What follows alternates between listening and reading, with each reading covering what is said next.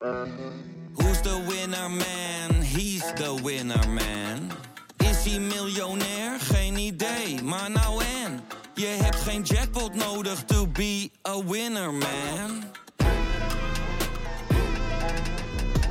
Oh oké, dat is wel lekker man. Een bejaarde maffiabaas bewerken met een hangslot. Ja, Panse reality TV met een man, een bakje rijst en een blote pielenmuis. Ja, dit zijn zomaar wat onderwerpen die voorbij kunnen komen in de podcast De Nummer 1 aller tijden. Bram Krikke, die ook wel geschiedenisnerd is, en ik, Stijn van Vliet, lijstjesfanaat, nemen elke week ja, een mooi geschiedenisverhaal mee. Alleen er is altijd maar één verhaal het beste verhaal. En dat is dan de nummer 1 aller tijden. Luister dit vooral exclusief op Podimo. En heb je nog geen account, dan kun je natuurlijk ook gewoon gratis een account aanmaken via www.podimo.nl slash Bram en Stijn.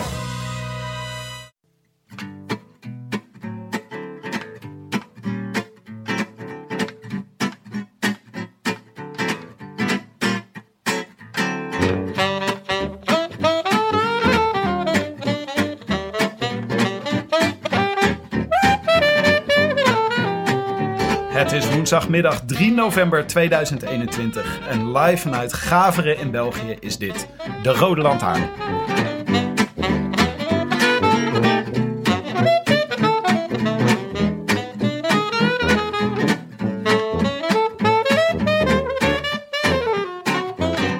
Het gebeurt zelden tot nooit dat een special zichzelf aandient. Maar even zo zelden dekt de titel special zo de lading als vandaag.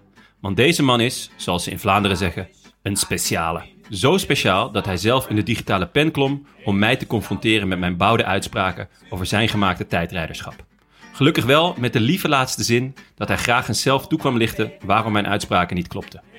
Deze uitdaging werd door ons met gejuich ontvangen, maar toen kwam, juist ja, corona. En daarna kwam een metamorfose waar Cher, Lady Gaga en Conchita Wurst nog een puntje aan kunnen zuigen. Victor het Foksnor, de eenzame renner, werd een solist en de aanvaller van het urenkoor werd een aanvaller in de breedste zin van het woord. Welkom, Victor Kampenaerts. This one of these riders is looking like they're going to win their first ever Grand Tour stage. Will it be Riesbeck from the Netherlands, Alps in Phoenix, or Victor Kampenaerts? Long way out, 250 meters to go. Riesbeck just winding it up and getting ready to sprint. Here's the chase group. I don't think they're going to be winning there from there, but Consonni is trying to get off the wheel and uh, unleash his sprint, but the win is going to come from the front. Victor Kampenaerts there, 50 meters to go, beats Oscar Riesbeck and takes his first ever Grand Tour stage win. What a champion ride from Victor Kampenaerts. I wish I could be in the south of France. In the south of France. Sitting right next to you. Hey, leuk om eh, dat ik erbij mag zijn, op eigen vraag. Ja, dat was wel bijzonder. Nou, ik eh, heb zeer veel bewondering voor jullie, want dit is natuurlijk een, eh, een geschil wat nu al eh, zo'n eh, zo'n jaar bezig is. En jullie hebben het even uitgevochten door samen op de fiets te klimmen vandaag. Victor, wat, eh, wat maak jij van, eh, van Jonne als, als coureur? Voor alle ren- renner voor op het vlakke langs de Schelden eh, ging, het, ging het heel goed. Ehm bergop iets minder, ehm, maar dat was dan toch weer nodig voor mijn, mijn ego te strelen. Ja, dat was, eh, ik was van tevoren erg bang voor mijn ego. Dat mag je best, eh, mag je best weten. Ik ben een heel matig fietser, dat wist ik al. En bergop is het een drama. Mooi, we gaan- na het eerste klimmetje zei eh, Victor... Ja, je hebt niet echt veel grinta, hè? Mooi, dat is, dat is wel de genadeklap. Ja, dus maar maar heel even voor de context, want we zijn nu in Gaveren, in België. En volgens mij is dit echt fietsgebied. Want Ja, er komen ja. echt pelotonnetjes eh, langs fietsen. En wat hebben jullie voor, voor route gedaan? Ehm, aanvankelijk was, was mijn idee eh, om, om de finale van de Ronde van Vlaanderen te doen, maar dan kwamen we toch op een, op een zeventigtal kilometer uit. En dat dacht ik dat misschien een beetje hoog gegrepen was. We hebben ehm, het heel beperkt gehouden in de Wolvenberg, met direct daarop, sluitend, daarop aansluitend de Ruiterstraat. Ehm, Dat waren de kassei, hè? ja, ja, inderdaad. Dat is waar dat de omloop het nieuwsblad echt start. En dat is toch al een, een steile helling, denk ik toch. Zeker, het was ook leuk, want, eh, want Victor ging dan... eh, ja, bij een aantal hoeken die we opdraaiden, zeiden van nou hier, dit is het moment dat, we, dat er in, eh, in, in de omloop echt al, ja, dan lijkt het alsof iedereen gewoon eh, aan het peddelen is. Maar eigenlijk is iedereen dan al positie aan het zoeken, eh, flink aan het, aan het stampen. Eigenlijk iedereen zit ook vast op zijn positie. Dus ehm, ja, eh, want hierna komen een aantal beslissende stroken eh, waar je gewoon echt niet te veel energie mag verliezen. Dus dat was ook, ehm, Victor eh, was vrij vasthoudend eh, in dat hij met, eh, met ons wou fietsen. J- Jij durfde niet toch, Tim? Nee, ik dacht... Astma, toch? Ja, Astma nee, het. ik moest even... Ja, ik had mijn, eh, mijn attest had ik niet. Ah ja, nee. Dus, Ja, ja, ja. En ik dacht, kijk, ik, ik ben natuurlijk geen goede fietser. Maar ik ben, naar eigen zeggen, best een goede bankzitter. Ik kijk heel graag koers. Ik kijk, alle koers in België. Dat zijn ook mijn lievelingskoersen. En toen dacht ik, ja, volgens mij word ik hier wel een betere bankzitter van. Als ik gewoon een keer, zeker, ja, wanneer heb je nou de kans om met een prof eh, eh, over dit soort wegen te rijden? En ik dacht, ja, eh, wij hebben hem uitgenodigd in onze podcast, dus in in ons werk. En hij nodigt dan ons uit in zijn werk. Ja, dan kan ik niet nee zeggen. Dus oh, wat mooi. nou, ik, ik, ik vond het echt, eh, ik vond het ten eerste prachtig. Echt super mooi. Maar ik, ik ben er vooral van overtuigd dat, dat als er eh, een Vlaamse klassieker komt en de Wolvenberg is opgenomen in, eh, in de route, ja, dat dat heel exciting zal zijn om, om, om dat te, te zien van op de bank, omdat Ja. je dat zelf eh, gedaan hebt. nee, zeker. Dus dat was ook echt mijn overweging van, oh ja, vet. Ik ga het gewoon proberen. En eh natuurlijk, ik bak er geen hout van. Maar eh, het was echt, het was sowieso ook heerlijk weer en een super mooi gebied. Sowieso woon je hier echt schitterend mooi uitzicht eh, over al het groen. En eh, ja, was, ik vond het echt vet. Ik vond het echt heel erg leuk. Dank. Leuk. echt, eh, ben blij, ik ben blij dat jij er eh, Ja, van ja. genoten hebt, net zoals ik. Ben je ook eh, ben je hier in de omgeving gaan wonen om eh, beter te worden in het eh, klassieke werk? Ehm, wel sowieso om goed te kunnen trainen, maar ik ben hier eigenlijk ehm, komen wonen voor dat ik eigenlijk ehm, heb beslist om, om klassiek renner te worden. Maar dat was wel heel mooi meegenomen, omdat ehm, ja, afgelopen voorjaar was mijn eerste voorjaar, mijn eerste keer dat ik de Vlaamse koersen reed. En ik kende eigenlijk geen een van die, van die parcoursen. Ehm, maar tegen dat de wedstrijden begonnen, kende ik die misschien het beste van heel het peloton, omdat eh, dat er weinig... eh, er zijn wel profrenners die even dicht wonen als mij, maar die zijn, eh, die zijn er niet veel. Ehm, dus ja, ik kende die parcoursen gewoon eh, van buiten. Nou, dat is, eh, dat is ook gelijk het onderwerp waar we natuurlijk dit gesprek in willen duiken. Is hoe je als eh, renner veranderd bent. En de aanleiding is natuurlijk leuk. Daar zullen we zo meteen verder op ingaan. We doen altijd even voor de luisteraars die nog niet zo goed op de hoogte zijn. gebruiken we altijd rubriek persoonlijk uit Voetbal International, Nederlands voetbaltijdschrift. Je leest vast nooit eh, Voetbal International. Ik bedoel, waarom zou je? Nee, Maar dat is een rubriek met alleen maar een beetje eh, triviale vragen. Om even, gewoon even een beetje een beeld te krijgen voor de mensen die je nog niet zo Ja, goed kennen. ja. Eh, naam, leeftijd, woonplaats. Nou, Victor Kampenaars in Gaveren. Leeftijd? ik eh, ben net 30 jaar geworden. Oh, ja. Hoe bevalt dat? Dat is een lastige vraag. Op zich heb ik er eh, weinig problemen mee. Ik heb mij er al, er al over gezet als ik eh, naar de deelnemerslijst van een wedstrijd kijk, dat het eh, veel millennium baby's zijn die aan de start staan. ja, Je bent geen talent meer, hè? Nee. Oh, daar krijgen we ook nog veel vragen over. Maar daar kunnen we zo, eh, kunnen we zo ook meer, eh, meer op ingaan. Eh jeugdidool? Eh, Sven Nijs. Ja, dat heb ik je vaak horen zeggen inderdaad. Ja, en waarom? Ehm, En waarom ben je dan geen cyclocrosser geworden? Ja, eh, dat is... Dat is eh, ja, in, cyclocross in Vlaanderen is... eh, ik denk in Nederland is cyclocross ook redelijk groot, maar Ja. in, in Vlaanderen is dat nog, nog, ik denk, een andere dimensie. Zeker de periode van Sven Nijs en Bart Welles. Ehm, en op die manier... Ik was toen op die moment een zwemmer... Eh, wat in Nederland wel een grote sport is. In België, Ja. ehm, in België, als je zegt tegen mensen: ik doe zwemmen als sport, dan is de vraag: allee, hoezo als sport? eh, allee, Ja. Ehm, hoeveel je- meter kun je dan zwemmen of zo? Hoe lang heb je gezwommen? Ehm, ja, van, van heel jong, ik zou zeggen van mijn ay, vijf jaar tot mijn eh 17 jaar op een best hoog niveau. Hoe ver je geraakt? Hoe ver in afstand? Of, eh? nee, nee, ik, Nee, de- nationaal, Welke diploma's je allemaal hebt. nationaal was ik eh, ehm, ja, bij de beste drie, beste twee van, van België op mijn, eh, in mijn leeftijdscategorie. Eh, ik was een vlinderslagzwemmer. Oh, wauw. Ehm, en omdat er een Nederlands publiek is, kan ik misschien... Ja. Ik zwom 2.13 op 200 meter vlinderslag als ik ehm, cadet, noemt dat in België, Ja. 16 jaar was. Daar kon je dan eh, in België iets mee, iets mee betekenen. Ja. Maar ik besefte eigenlijk eh, snel dat dat eh, met een meter 73... Ja, je bent klein daarvoor, hè? Ja, ja, ja. ehm, maar wel tijdens dat, dat zwemmen was ik al bezeten van de cyclocross. Altijd als er een cross was, keek ik die van begin tot einde. Ja. En dan heb ik een keer ehm, ja, ergens een tweedehands cyclocrossfiets gaan kopen. Ehm, en van mijn vader een licentie gekregen. En dan twee cyclocrossen gaan meedoen. Maar dat waren... ehm, ik wist ook niet dat er verschillende niveaus waren. Dus ik had gewoon gekeken in de programmatie van eh, de televisieprogramma's en daarop mijn cyclocrossen uitgekozen. En ik reed dan bij de nieuwelingen, ehm, maar dat niveau was, eh, was vreselijk hoog. En eh, ja, de eerste bocht viel ik al en ik werd dan gedubbeld. Maar bij de profs worden er veel renners gedubbeld, maar bij de nieuwelingen, dat zijn vier rondes, dus op vier rondes gedubbeld worden, ehm, dat was verre van een succes. En dat heeft dan ook lang geduurd eer dat ik mij terug, terug in het wielerpeloton heb vertoond. Je hebt wel een paar eh, mooie ommekeren heb je gemaakt in je carrière. Zo van zwemmer naar cyclocrosser, naar tijdrijder, Ja. naar aanvaller. Inderdaad. Er heeft nog een kort intermezzo als triatleet tussen gezeten, Ja, maar eh, gezien mijn, mijn bouw, eh, dat ziet er niet echt uit als een loper. En dat had ik ook eh, snel bevonden. Ah, fijn. nou ja, goed. Een heleboel verschillende disciplines in elk geval. Maar nog, eh, nog even om het, eh, om het persoonlijke rubriekje af te maken. Eh, Favoriete coach? Eh, ja, Kurt Lobbestal, dat is mijn, mijn eigen trainer, maar ik, Ja.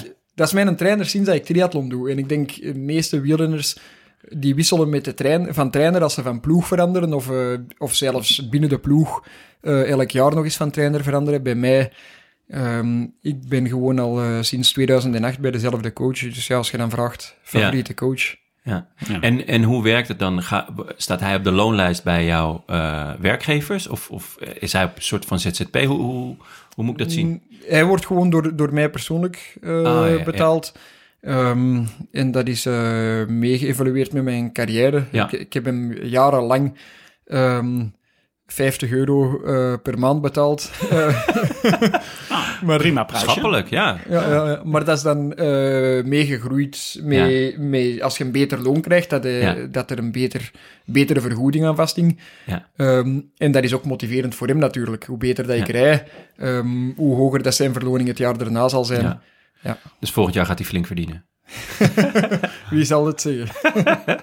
Maar die mag je ook gewoon, ehm, die mag je altijd meenemen van de ploeg. Eh, ploegen zijn daar akkoord mee. Als je zegt, ik kom mijn Ehm, eigen trainer meenemen. Het is wel bij ieder ploeg eh, zeer belangrijk dat je transparant bent en dat je ehm, alle schema's deelt en dat je inzage geeft in hoe dat de planning eruit ziet.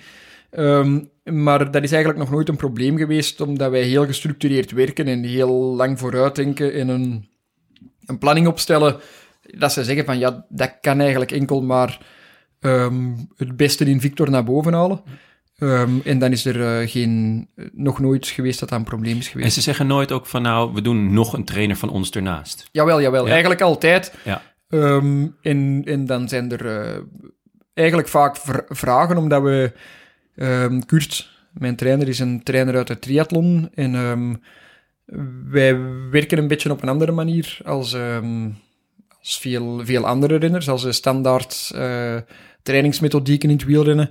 Ehm, waardoor dat er wel vragen zijn van waarom dat? Omdat dat blijkt dan dat bij mij die manier van trainen een goed resultaat oplevert en dat ze dan de ploegtrainers daaruit willen bijleren, leren, wat dat eh, zeer interessant is uiteraard. Is wel alleen maar fietstraining. Of zwem je ook nog en loop je ook nog? Of, of... Ja, ik zwem en loop nog een beetje, maar meestal stopt dat eh, na de decemberstage. De decemberstage, Ah, ja. dat is eh, gewoonlijk rond 10 december. Ehm, maar het is leuk om in de winterperiode nog een keer de, de macho uit te gaan hangen in het zwembad. Want doorgaans kan ik... Allee, eh, als, er, als er geen clubs aanwezig zijn, kan ik nog het beste zwemmen van de, de zwemmers in het zwembad. E- enorm showen met je vlinderslag. Ja, ja, inderdaad. Dat is toch het meest Ja, indrukwekkende. hè? zeker. Ja, dat is echt moeilijk. En ehm, opleiding, zowel eh, school als eh, wielrennen. Ja, ja. Ehm, eh, ik heb eh, wiskunde wetenschappen gestudeerd en dan heb ik één jaartje industrieel ingenieur gestudeerd en dat ging eigenlijk eh, verbazend goed. Ehm, maar maar, maar op, beetje die, op op diezelfde moment... Hm? Een beetje zoals ik op de fiets vandaag. Ja, inderdaad, vanaf, vanaf dat het bij de grond begon te gaan was... eh, nee, nee. Nee, nee, eh, eh, dat lukte eigenlijk wel. Ja. eh, maar dan... het fietsen begon ook heel goed te gaan. En dan ehm, Ja. heb, heb ik gezegd tegen mijn ouders, ik wil coureur worden. En dat is een goed idee. Je bent ouder dan 18 jaar, dus...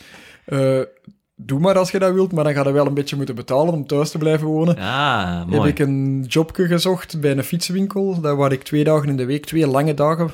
want ehm, hey, voor genoeg te verdienen, eh, waren dat dan zeer, zeer lange dagen. eh, Twaalf uur in die winkel staan. Ehm, Ja. en ik dacht, nu moet ik toch zien dat dat lukt om beroepsrenner te worden, want dat, waren, dat was niet... Ik voelde redelijk snel dat dat niet mijn roeping was. Eh, De fietsmaker. ja, en Ja. dan had ik... Op die moment dacht ik, misschien heb ik wel de foute keuze gemaakt om die studies niet verder te zetten. Eh, maar ik heb mij dan vol op dat, op dat fietsen gestort en dat is eh, gelukkig goed uitgedraaid en ik heb er nog geen spijt van gehad. Ja. Ja, mooi. En eh, we, gaan, we maken nog even wat trivialiteiten af. Eh, favoriete vakantiebestemming? ja, Eigenlijk, we doen het gewoon, ja, Jonne. Ja, mooi. De, de, de kroeg. De kroeg. als, als ik die vraag krijg, dan... eh, Liever veel- niet naar het buitenland, maar gewoon naar het café hier om de hoek. Omdat eh, met wielrennen, allee, voor mij, wat is wielrennen? De wiel, eh, wat is wielrennen? Beroepswielrennen, dat is, eh, dat is nee zeggen. Tegen allee, alle mensen dat je kent buiten de koers. eh, zijn, allee, iedereen doet heel veel sociale activiteiten, maar eh, als er geen corona is, krijg je heel veel vragen. eh hey, gaan we een keer uit eten? Gaan we een keer eh, op café? Eh, gaan we een keer eh, een beentje smijten? Eh, en ehm, dan moet je altijd nee zeggen en dat is super tof om dan... eh, Is dat het moeilijkste van je vak? Ja, dat, dat denk ik toch wel. Dat, is, dat is hetgeen wat, dat, eh, allee, wat dat ik zeker anders zou doen als, als mijn carrière over is. Ehm, maar dus, ik blijf liever in, in het land om met mensen die dat ik, waar dat ik eh, elf maanden nee tegen zeg, om daar eh, dan die twaalfde maand tegen te zeggen, ja, deze keer, deze keer Ja. ben ik erbij. Is dat ook de reden dat je je, je nieuw contract tekent in de kroeg? Ehm, ja, ja, het was een leuke avond daar op de kroeg, maar dat was dan eigenlijk met de mensen van de koers die dat je sowieso heel veel ziet. Ja. Hey, maar het gaat mij vooral om de, De die contacten die dat, eh, die dat niks met wielrennen te maken hebben. Wat dat wel eh, belangrijk is, eh, vind ik, dat je die kunt onderhouden. Maar dat is niet gemakkelijk als je altijd in het buitenland bent en als je dan in het land zei dat je als een neuroot ehm, naar, naar een doel aan het werken bent en dat je dan denkt, ja, café gaan is wel leuk. Eh, je kunt ook water drinken, maar Ja. in mijn zetel recupereer ik beter. ziet. Ja, mooi. Oké, nou laten we eh, even gaan naar het moment dat eh, Jonne bij ons in de uitzending van de Rode Lantaarn, die riep ineens, we waren gewoon aan het praten eh, over de koers zoals we dat graag mogen doen. En Jonne zei ineens, Victor Kampenaerts, ja, dat vind ik nou een gemaakte tijdrijder. Ja, Jonne, voor de draad ermee, we moeten dit gewoon op tafel leggen. Nee, ja, kijk, En- ik... ehm, Misschien even context geven waarom je dat toen eh, zei, dan kan, eh, kunnen we Victor eh, daarop laten reageren. Ja, nou ja, kijk, je, Kampenaert, je, jij stond erom bekend dat je, dat je, nou ja, wat je net ook aangaf, die elf maanden per jaar megalomaan met, met je vak bezig was. Wat natuurlijk enorm bewonderenswaardig is. En daar kwam een schitterend werelduurrecord uit. Ehm, maar er kwamen, eh, wat betreft World Tour overwinningen, ja, kwam, er, kwam het steeds niet uit. En er waren een aantal jongens op een gegeven moment die ehm, op souplesse en iets minder op, op eh, ehm, ja, werklust eh, van jou wonnen. En, en dat is het moment dat ik zei in de podcast van, goh, eh, zou die niet op een andere manier proberen? Want volgens mij zou die best tot zijn recht komen in de klassiekers of in een aanval. Oh, wat mooi, wat warm eigenlijk. Nee, ja, dus... eh, kijk, en toen, en dat vond ik wel heel erg leuk, toen kregen wij eh, een mailtje. Ga hem voordragen. Ja, Jonne heeft hier de studio opgebouwd op een tuintafel en een strijkplank. Dus Ja. je moet even wat opzoeken. Eh, de titel is Raar Ventje. Schitterend. Hey kerels, een vriend van me wees, je, eh, wees op jullie mooie podcast en een minder leuke vermelding over mij in de Giro voorbeschouwing. Hierover wil ik zeker wel eens in dialoog gaan met jullie. Ontkennen dat ik een rare kwiet ben, dat ga ik zeker niet doen. maar tegen de andere kritiek, tussen aanhalingstekens, heb ik wel wat in te brengen. Lijkt me een mooie dialoog. Met vriendelijke groet, Victor, 55, Kampenaard. Oké, nou eh, Victor. Dat is goed, hè? Ben, je- ben je het eens met Jonne? Ehm, ja, e- eigenlijk, eigenlijk ben ik het, ben ik het eh, zeker eens, maar, maar mits, mits de toelichting. Ehm, we hebben daar straks even kort gezegd hoe dat ik ben, ben begonnen als, als zwemmer en dan triatleet. En, en eh, allee, een beetje een raar circuit eh, afgelegd in mijn sportieve carrière. Maar dat is eigenlijk ehm, omdat vanaf dat ik ga het beknopt proberen houden. Hè. Maar ik moest gaan zwemmen van mijn ouders. Tot mijn eh 12 jaar of zo. Of, eh, was dat echt een, een verplichting en ik haatte dat ongelooflijk. Twee keer per week.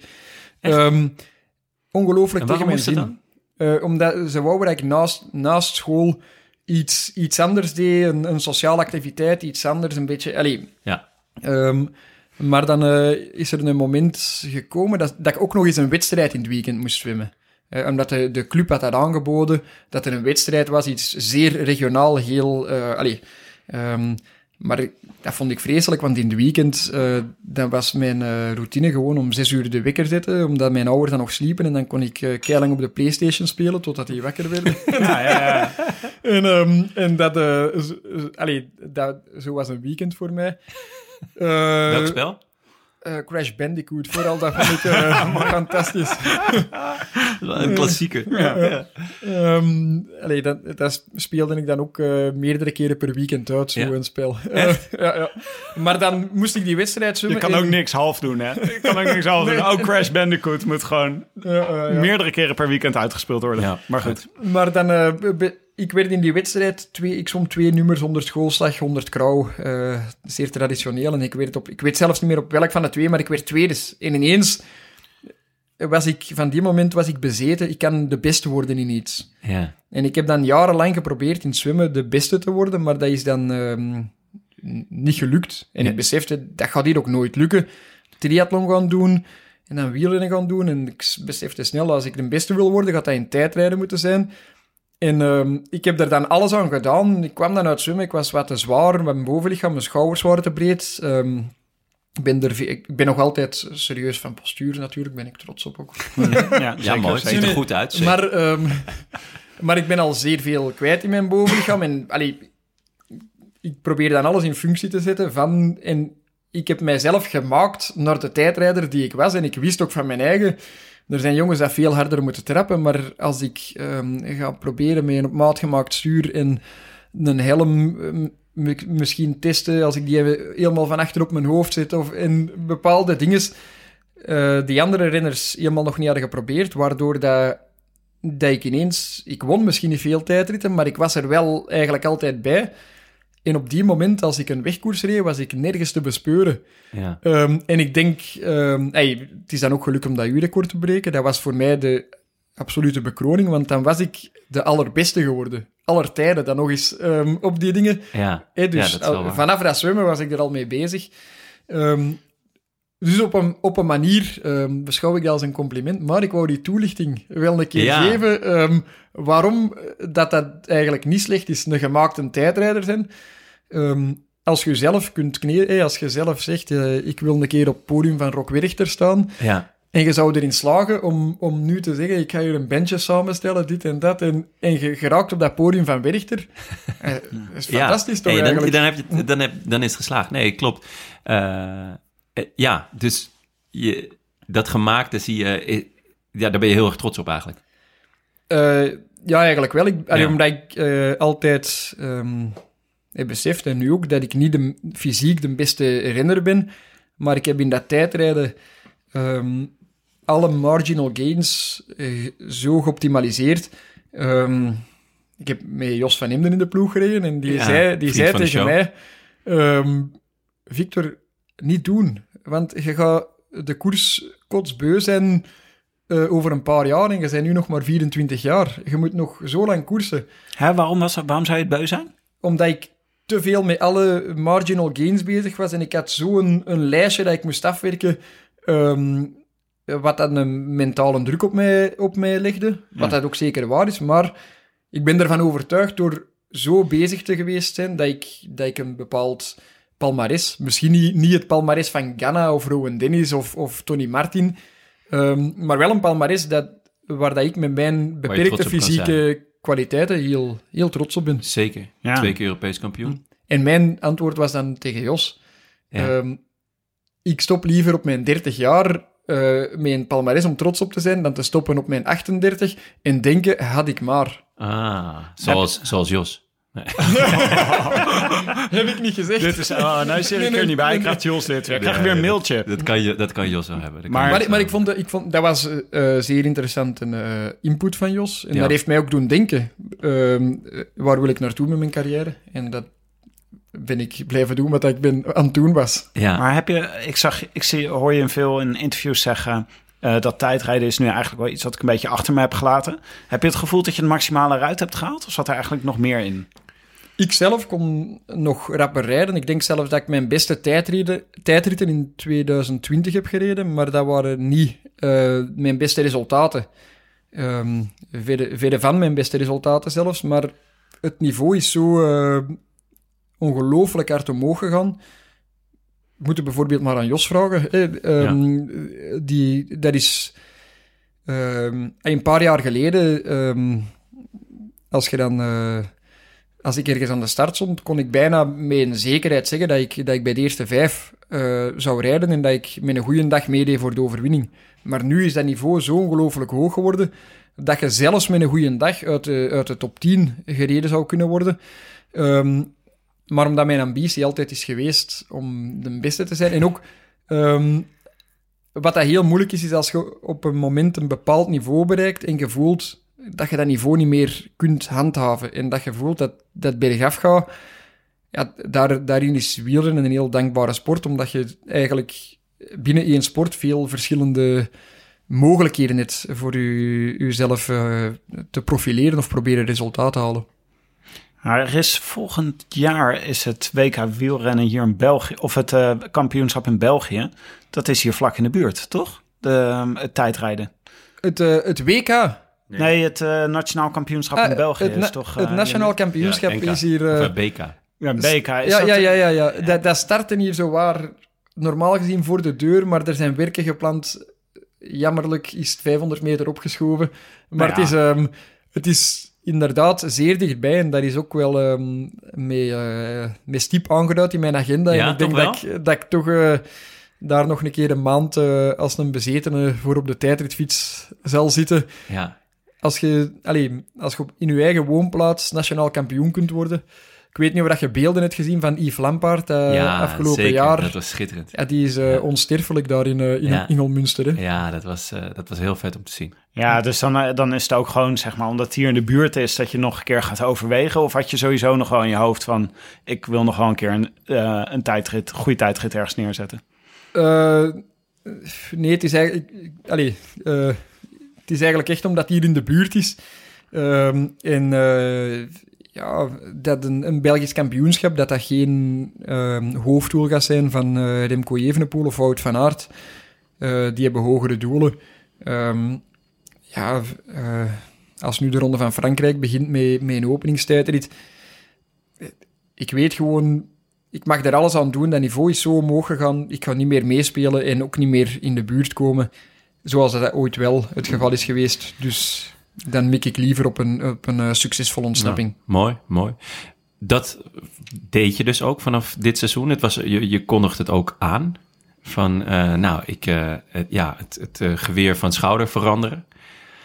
En je reed een, een, een, een voorjaar waarin je echt veel te zien was. En ik genoot daar eerlijk gezegd best wel van. van er was duidelijk een, ja, een andere kampenaarts in de koers. Maar nog niet echt eh, de resultaten. Eh, hoe voelde je dat? eh, hoe was het gevoel toen? Dacht je toen, ik ben op de juiste weg, ik zit er dicht tegenaan? Of was, het, was er toch een soort van twijfel van, heb ik hier goed aan gedaan? Ehm, nee, ik, ik had er vooral ongelooflijk veel plezier in. En dat was voor mij wel een... Zeker na dat jaar 2020 was sowieso een moeilijk jaar. Niet alleen voor wielrenners, voor iedereen met, met corona. Ehm, maar dat dan uiteindelijk die koersen er kwamen, dat ik in ongelooflijke conditie was, supergoeie tijdritten reed, maar niet die resultaten had. Dat was niet zo tof voor de beleving van de sport. Ik had minder plezier in de sport. En Ja. dan eh, met volledig het geweer van schouder te verwisselen en gewoon zien dat in die koersen, ehm, doordat de wegen zo smal zijn en, en dat, eh allee, dat parcours zo onvoorspelbaar is, ehm, dat eh, als je een aanval doet, dat je de koers gewoon in een andere plooi kunt leggen, Ja. dat je de koers mee kunt bepalen. Ehm, En het is inderdaad nog iets helemaal anders om een resultaat te rijden, want dat is er niet van gekomen eh, in het voorjaar. Maar, maar ik had wel het gevoel van, dat kan hier wel. Als alles een keer meezit, dan, eh, dan zou dat moeten lukken om eh, een resultaat te rijden. En dat hoop ik uiteraard komend voorjaar te doen. Ja, het doet me een beetje denken aan eh, Teunissen. Die hebben wij ooit eh, in de podcast gehad. En er was een moment dat we toen aanhaalden dat hij in Roubaix als eerste het bos van Valère opdraaide. En dat was voor hem echt zo, yes, vet dat ik dit heb bereikt. Daarna, ja, uiteindelijk heb je er niet zoveel aan, want je hebt wel de koers gekleurd, maar een resultaat zat er nog niet in. En het jaar daarna ging hij oogsten. Pakte hij onder andere de gele trui. En, maar dat was een moment voor hem van besef. En ook dat hij het afvinkte van oké, dit, dit heb ik gedaan. Ehm, en het jaar erop kon hij, kon hij daarmee gaan oogsten. Eh, voel jij dat ook zo bijvoorbeeld eh, in de Benelux Tour? eh, za- za- zat je namelijk qua resultaat ook al heel kort erop. Ja, ja, in, in, dat gaf uiteraard vertrouwen. Dat je die eerste klassieker dat je rijdt, weten uiteraard eh, niet wat dat er u te wachten staat. En renners, eh, de andere renners kennen u ook als een, als een tijdrijder. En, Ja. allee, ik ken mijzelf ook als, als een tijdrijder. en ik heb ongelooflijk veel op die parcoursen getraind, maar je weet nog altijd niet... Als je in Omloop het Nieuwsblad de eerste keer de Haaghoek opdraait, ehm, daar hoorden de meest wilde verhalen van, van gigantische valpartijen. Ehm, dus dan denkt hij misschien, ja, misschien de eerste kassei die ik raak in een wedstrijd, ben ik al mijn tanden kwijt. Eh, maar dat, dat, is, dat is heel goed meegevallen en dat geeft dan vertrouwen. En dan, eh ehm, ja, hier steden we, denkt van, ja, ik heb precies nog wel redelijk goede benen. En dan de wedstrijd erop durfde een keer aan te vallen. En dan eh, de keer erop valt aan en dan merkt al dat er redelijk goede coureurs met je meeschuiven, omdat dat dan al gezien is de keer ervoor. Ehm, en eh, Is je status in het peloton veranderd? Wacht, wacht heel even, want eh, je was net dat, eh, aan het vertellen hoe dat, langzaam, hoe dat beeld langzaam veranderde. Maar was er een specifiek moment dat je dacht, oh, dit gaat de goede kant op? Ehm, in E3-prijs, eh, daar ehm, rijden... Nee, ene keer rijden de Côte Trieux op. Ehm, dat is een helling waar dat eigenlijk altijd en blok wordt opgereden. Is, is redelijk lang, redelijk steil, maar vooral heel smal. En gewoonlijk wordt die, die weg volledig afgezet. Ehm, en ik had eh, vooraf gezegd, dat is ongeveer 100 kilometer te gaan. Maar daarna komen er heel veel cruciale hellingen. Als je daar kunt wegrijden met een groepje. ehm, en de baan wordt achter u afgezet. En ze zeggen dat zijn mindere goden eh, dat wegrijden. Dan kom je heel diep in de finale. Dus ik had vooraf gezegd bij de ploeg, ik wil daar aanvallen. En ze hadden al gezegd van, zie maar eerst dat je er van voor zit. Want als je er niet van voor zit, is het onmogelijk om aan te vallen, omdat de weg wordt afgezet. Ja.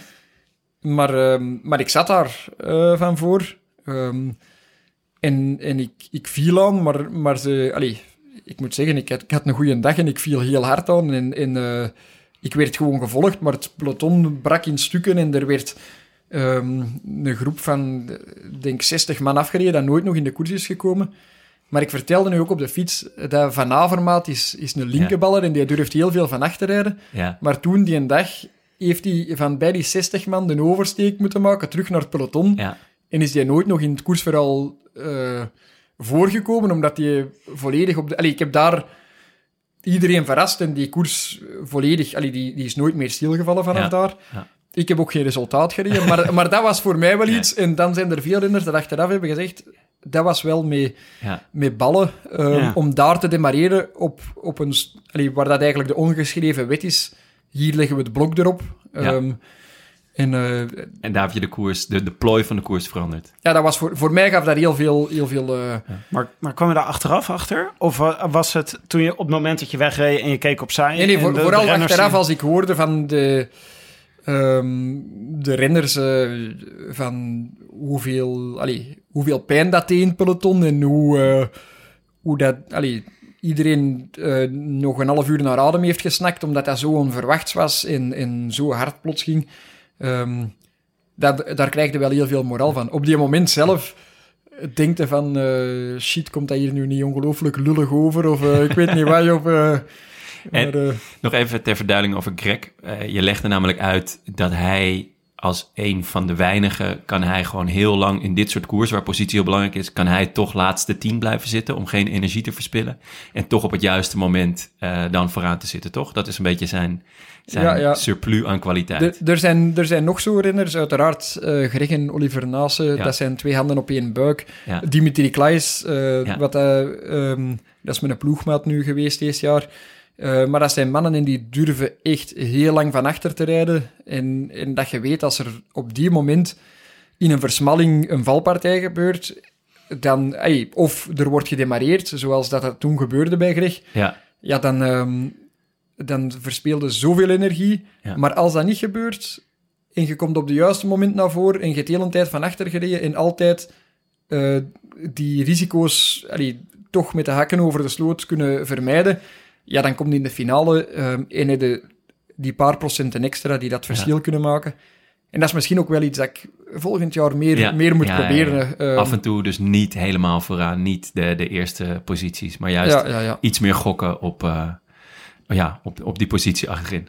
Maar ik las ergens, eh, je omschreef het zelf als dat je op dit moment rijdt als een wilde stier. is dat, eh, ja, ik kan me voorstellen dat je nu eh, veranderd bent van eh, Victor Kampenaerts 1.0 naar Victor Kampenaerts 2.0. Dat je op een andere manier moet leren tactisch te rijden. Wat, wat, wat, wat moet jij dan nog, dit is iets wat je, wat je zegt misschien, dat je nog iets beter ja, kan eh, nog ik, meer? Ik moet vooral... ehm, er komt een moment dat, dat je je niet meer gewoon moet laten zien in de koers, hè, maar dat je moet proberen een, een koers te winnen. Ehm, en zoals dat gaan gaf eh, in de Benelux Tour, daar, daar reed ik gewoon echt goed. En, en voelde ik ook van, er is niemand eh, eh, buiten Sonny Colbrelli Ja. dat mij klink uit het wiel kan rijden.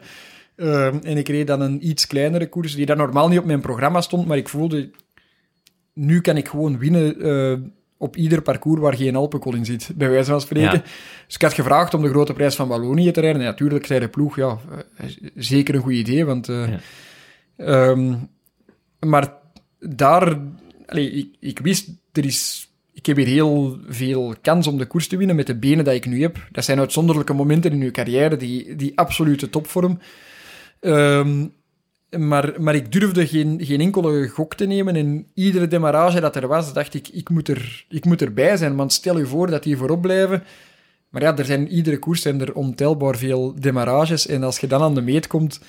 Ja, allee, ik was, ik was uiteraard er nog... Allee, ik was er nog wel bij aan de meet met je vorm, maar die, die punch om daar eh, een sprint bergop te winnen, die was, eh, ja, die was dan al lang eh, verloren. En als je ziet, eh, Christophe Laporte won die koers, en die heeft gewoon een, een hele... koe- Allee, mijn trainer ehm, zei van, je moet een keer naar de live feed zien van Sporza en de berichtgeving. Die zijn naam is geen ene keer vermeld en uw naam staat er 30 keer op.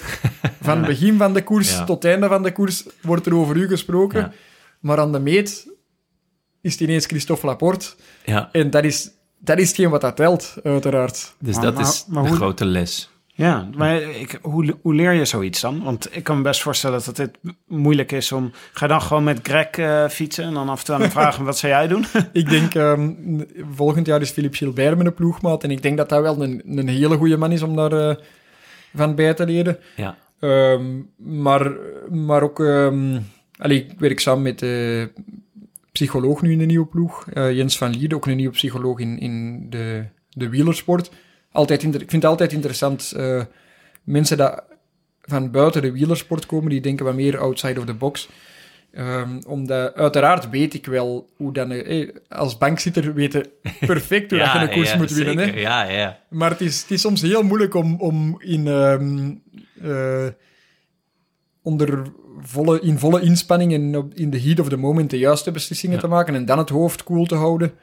Ehm, en eh, ja, Het zullen- is, het is een kwestie van lef, denk ik. Toch? Dus je moet, om, om te winnen, moet je ook durven verliezen. ja, ja, dus je moet durven inderdaad. gokken om, om, ja, om een keer niet mee te gaan. En erop te vertrouwen van, nou, iemand anders doet het. Of ja, laat Laporte maar halen. Ja, ja. Allee, als je op de beurt of zo heel veel geld wilt verdienen, dan moet je Ja. ook durven soms een keer dat, Ja. dat zakt en niet, niet direct alles verkopen of Ja. eh, ehm, in, in die stijl. Maar ehm, ja, Maar goed, Eh, vervolgens, eh, want dit was het voorjaar. Eh, je was veel in, je, je was zichtbaar, eh, je koerst attractief, je, je, je, je plooide soms de koers. En dan de Giro. Toen kwam eigenlijk al wel het, het, eh, een, een, beloning voor je, voor je nieuwe manier van koersen, toch? Ja, ja, ja, ja, inderdaad. Ik denk dat ik die in Giro... ehm, Was je ook al veel eh veel, in veel in ontsnapping Ja, geweest. En ik, ik, ik voelde ook van... het zit Ik ben echt goed. Als er hier geen... Want ja, in een Giro heb je veel, veel ontsnappingsritten. Dat je bijna zeker bent dat de vlucht voorblijft, maar dat je wel moet aankomen op een, een vreselijk onding. Eh, Ja. Stel je voor dat jij erop zou moeten rijden. Ah, goed, je weet nooit hoe een koen haast vangt natuurlijk, maar eh, nee, ja, kansloos. Ehm, dus ja, dan eh, eigenlijk was was heel mooi die Giro. We hadden ook ehm, ongelooflijke eh teamspirit. Ehm, ja, als veel klein- ritten wonnen jullie. Ja, als, als kleine ploeg daar. Ehm eh, wel een World Tour ploeg, maar toch denk met voorsprong de kleinste World Tour ploeg dat er is. Ehm, en wij hadden al een paar keer met Nizzolo. Ja. Dat was echt het doel om daar met Nizzolo. Ik denk dat hij al 40 keer tweede was geweest in een Giro. Klopt, ja. Ehm, ja. en die wou het, allee, eindelijk eens een keer die zijn, eh, zijn pakken. En we waren al twee keer tweede ook weer geweest met hem. En uiteindelijk lukte dat dan. Dat was een ontlading voor hem, maar voor heel de ploeg. Ja. En dat was ook fantastisch om er zelf... De- ja, daar zat je ook in de sprinttrein, neem ik aan. ja, ja, ja. Welke positie had je daar? Eh, derde, derde laatste man. Ah, ja. Dan op het einde was wel eh, nogal een, een zootje ongeregeld voor iedereen. Ehm, maar, maar als hem dan wint, ja, dan is alles perfect natuurlijk. Hè? Ja, en als ja, hem dan niet wint, dan was dat was een slechte lead-out. Ehm, Ja. Maar ehm, dat, was, dat was fantastisch. En Mauro Schmid had er dan die, eh die grind-etappe won, die Strade Bianchi-etappe. Zo, ja. En dan begon dat... Allee, die een dag dat ik won, dat was de laatste van de drie ritten dat we wonnen, maar dat was gewoon... eh, we wisten, de kans dat de vlucht voorblijft is ongelooflijk groot. En hadden dat scenario allee, bijna zwart op wit uitgeschreven. We hadden het juist niet neergeschreven, maar dat was zo door, doorgelopen met de ploeg. Eh, dat was een biljartvlakke start en wij zaten met heel de ploeg op de rollen. Maar er was geen een en andere renner dat op de rollen zat. Nee? Eh, ja, en, maar wij, allee, ehm, ja, we hebben gewoon die koers echt In in handen genomen, genomen. ja. En ehm, dat, eh, dat we waren met drie man mee op eh, vlucht van een, een dikke 15 man. Ehm, en dan, eh, ja, die twee andere jongens hebben gewoon gezegd: hoe moeten we het doen? Hoe wilde jij dat? Allee, hoe wilde jij? En En wat Ja. heb je toen gezegd? Ehm, ja, het ging, het ging er... ehm ze wouden een bepaald... eh, aanvankelijk hebben ze eerst heel hard mee rondgedraaid, dat ik de kat uit de boom kon kijken, dat ik mijn eigen kon sparen. Een Ja. beetje gokken. Ja? Ik, ik was, ik zat toen ook zo goed in mijn vel, dat, dan heb je meer lef natuurlijk. Ehm, en dan... eerste, eerste klimmetje tempo gereden, dat er geen aanvallen kwamen. En dan heb ik gezegd tegen hun, vallen jullie een paar keer aan, dat er al wat ehm, onrust is. En dan, paf, eh genadeloos een aanval gedaan. Eh, Het kreeg je Oscar Riesbeek mee. ja, ja, ja. Heb je nog met hem eh, gepraat tijdens die, tijdens die ontsnapping? Ehm, ja, eigenlijk, wel. Was, we reden weg met drie, want er was Torres nog een Spanjaard Ja, ja. mee, maar we moesten een klimmetje over, een klimmetje van vijf minuten. Stelt niet zo heel veel voor, maar als je er heel hard op rijdt, kan dat wel pijn doen. Ehm, en we reden daar... allee, eh, ik moet zeggen, ik zelf reed een heel strak tempo omhoog. Ehm, en ik was blij dat ik niet naar achter kon kijken. Eh, want als ik die beelden zie, Oscar tegen had er duidelijk veel meer overschot als dat ik had op die moment. Ja. Ehm, maar ik reed gewoon dat blok omhoog, omdat ik wist, ja, de betere klimmers zitten achter ons en misschien komen die terug. Maar die Torres moest dan lossen, wat dat fantastisch was, want die pakte er ook niet mee over, omdat hij nog een ploegmaat mee had. En dan zei Oscar direct, we rijden voor de sprint. Ja. Jullie En- dachten allebei dat je hem kon winnen, hè?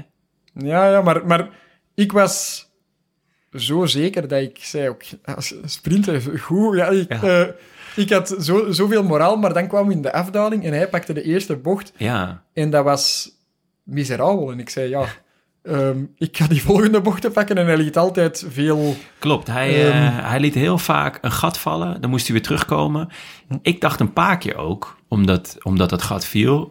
Je bent eh, natuurlijk tijdrijder, aerodynamisch. Ik heb achter je gefietst. Eh, nou, weinig wind nam je weg. Nu zat ik nog, ik heb mij speciaal rechtop gezet eigenlijk.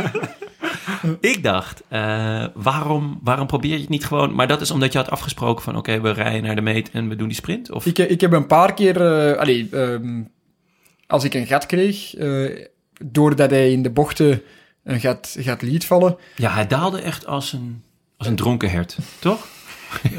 Ja, ik denk, allee, hij, had, hij had zeer weinig vertrouwen in dat Ja, verhaling. Dat was ja. direct zichtbaar en dat is ongelooflijk frustrerend Ja, als renner, omdat je dan, ja, dan, als je een keer een slechte bocht pakt, dan zit je gewoon, ja zit je dat is, niet, dat is niet twee bochten later eh, dat dat eruit is, maar dat is twee dagen later of zo, dat je pas Ja. terug dat vertrouwen hebt. Ehm, en ik heb daar proberen eh, profijt van te maken, maar eh, hij, kwam, hij kwam telkens terug en dan wou hij natuurlijk niet meer overpakken, wat dan ook ehm, Ja, logisch was. En dan ehm, heeft hij een paar keer aanvallen gedaan op, op het vlakke. Maar als je met twee zijn aanval op het vlakke, ja, je weet sowieso dat een ander gaat reageren. Hè? en dan heb ik ook, doordat ik aerodynamisch ben en dat, eh, ja. dat Oscar eh, d- een boom van een vent is, Ja. eh, heb ik een paar keer ja, op, op 6, 7 meter blijven rijden, omdat ik wist, ja, zolang dat ik dat gat niet toerijd, blijft hij gewoon rijden. En eigenlijk zit ik hier al uit de wind. Ja, ah, ja, ja, ja. Plus, wat dat er nog bij kwam, was mijn, eh, mijn communicatie eh, werkte niet meer van de regen. Ah, ja, dus ik ja. wist, ik wist het verschil niet. En waarschijnlijk zaten ze in zijn oortjes te zeggen, die mannen gaan terugkomen van achter. Dus hij was nerveus en dan... Ja. eh, ehm, ja. En toen? Jullie reden naar de sprint? Ik heb eerst nog een keer... Het was een klimmetje, ehm, maar... eh, ja, Oscar demareerde direct van de voet. En ik dacht... Ik was wel verschoten hoe rap dat ging, maar dat was Ja. on- die dag was ik, had ik zoveel vertrouwen. Ik, allee, volgens mij, als, eh als Contador daar in zijn beste jaren had gedemareerd, ging, ging ik nog niet lossen. Ehm, maar eh, dan had ik toch nog erover gedemareerd. Ehm, maar ik, had- dat was 100 meter voor de top. Dat was eigenlijk echt te belachelijk eh, voor woorden. Ehm, maar dat was meer eigenlijk een, zo om te laten zien. Van, ik ben- Eh, ja, ik pak je wel. Maar dan in de sprint denk ik dat jij... eh, was voor ons beiden een, een zeer eh, belangrijk moment. En hij was veel te nerveus en ging veel te, van veel te ver aan. Ja, en dat was voor mij... eh, ja, voor mij was dat fantastisch, want hij gaf mij bijna een lead-out. Ehm, en, eh, ja. Maar dit klinkt bijna alsof je transformatie toen al voltooid was. Dat je in het voorjaar misschien nog een beetje erachter moest komen. Op welk moment moet ik dan meegaan? Hoe moet ik het afmaken? Wat kan ik? Hoe lang kan ik mee? Hoe lang kan ik sterk blijven? En dan zit je al met zoveel zelfvertrouwen in de Giro. Maar die, dat zelfvertrouwen... Allee, zelfvertrouwen is bij, bijna alles bepalend. Zeker, zeker ehm, Bram Tankink gelooft er keihard in. Vriend Eh, van de show. Ja, maar hij Ja. heeft mij ook veel bijgeleerd Ja. eh, als, als beroepsrenner. En ik hoor hem nog altijd eigenlijk regelmatig. En Bram die zegt... ehm, wielrennen, dat is een, een mentaal spelletje geworden. Omdat nu het niveau ehm, zo hoog is geworden. allee, dat je vroeger misschien... Dat er renners waren die dat echt voorbereid waren op wedstrijden. En Ja. je wist dan... Oké, ja, we moeten er niet eens proberen tegen tegen allee, concurreren, want die zijn, op, allee, die zijn veel beter dan ons op deze moment. Ehm, maar eh, dan nu eh, dat de sport eh, naar een, een volledig clean sport is getransformeerd, Ja. dat eigenlijk iedereen zit op hoogtestage en iedereen gaat op tijd slapen en iedereen let op zijn eten. Ehm, en hij zegt, dat zit zo dicht bij elkaar, het gaat er gewoon om eh, wie is er in de kop het beste en wie kan er het meeste, wie verwelkomt de pijn en wie verafschuwt de pijn. Eh, wat, dat, ey, wat dat is, Ja. super interessant is om, Ja. om op die manier over te denken. Maar op die moment was ik in mijn hoofd zo sterk. En als je dat, maar je kunt dat niet op bestelling krijgen. Hè. Dat is een samenloop van omstandigheden. Ehm, en als je dat, eh, dat kunt hebben, dan... ehm, ja, Dan kan je koersen winnen. inderdaad. En dat eh, is natuurlijk ook iets anders. Een klassieker is normaal nooit een vlucht dat naar de meet gaat. Eh, en in de grote ronde, hey, ik won ook uit een vlucht. Hey, dan is, het zijn altijd twee koersen. Eerst in die vlucht geraken en dan daarna Ja. proberen uit die vlucht te winnen. Maar dat betekent dus dat je wint tegen een, een groep van eh 15, 16 man. Je zit ook al verder in die ronde, dus je kunt al beter die andere renners inschatten. Dat is toch nog iets anders dan een klassieker winnen van, van 200 man uiteindelijk. Ja. Ja. En hoe, hoe, hoe werk je aan zoiets? Want je vertelde net dat je, een, eh, dat je nu met een eh, psycholoog werkt. Is dat ook een van de redenen waarom je dat bent gaan doen? Dat je dacht van, de, de- ik heb bepaald... Voor dat meer op bestelling te krijgen, zo gezegd. Ja, ja, ja, ja. Het zou mooi zijn als die psycholoog eh, dat zou voor elkaar krijgen, maar, maar dat zijn gewoon eh, ja, bepaalde momenten in het leven dat iedereen wel een keer ervaart, dat je gewoon zegt nu, eh, goh, dat je je fantastisch goed voelt. En, en hoe, eh, hoe kan dat dan komen? Dat is altijd een samenloop van omstandigheden. Zeker ook de, de teamsfeer dat er was. eh ploegmaats dat al gewonnen hadden. Ehm, dat je ja, denkt eh, ook van... Als die mannen dat kunnen... Hè, wij zijn samen op trainingskamp geweest en wij zijn al heel het jaar samen op pad. Kan ik ook winnen? En die mannen gaan voor mij door het vuur. Die zijn daar... Die mannen dat mee in de vlucht zaten, die, als, die, als ik had gezegd, ehm, ik wil nu stoppen om een behoefte te doen en jij moet mijn poep afvegen, dan hadden die gezegd, oké, dat is goed, als dat u gaat helpen om te winnen. Ja. Ehm, en dan, als je zo'n eh, vertrouwen krijgt van je ploegmaats, dan wil Ja. je ook, eh, ja, Klinkt alsof het wel echt een heel hechte groep was ook. ja, zeker, zeker. Heel... jammer, eh, ja. jammer is de financiële onzekerheid dat er is in de ploeg, maar voor de rest een zeer... Het is ook de enige ploeg met een, met een, eh, een goed doel als, als naam eigenlijk. Hè. Ja. Iedere, an- iedere andere ploeg heeft gewoon eh, ofwel ehm, een financieel heel sterk bedrijf of anders een financieel heel, heel sterk land Ja. als, eh, Ja. als titel. ja, je deed ook het, het teken toen je eh, over de streep reed. Ja, ja, inderdaad, inderdaad. Ja. Dat was, Wel spijtig dan hoe het nu met ze gaat. ja, dat is inderdaad... Denk je dat het nog goed komt?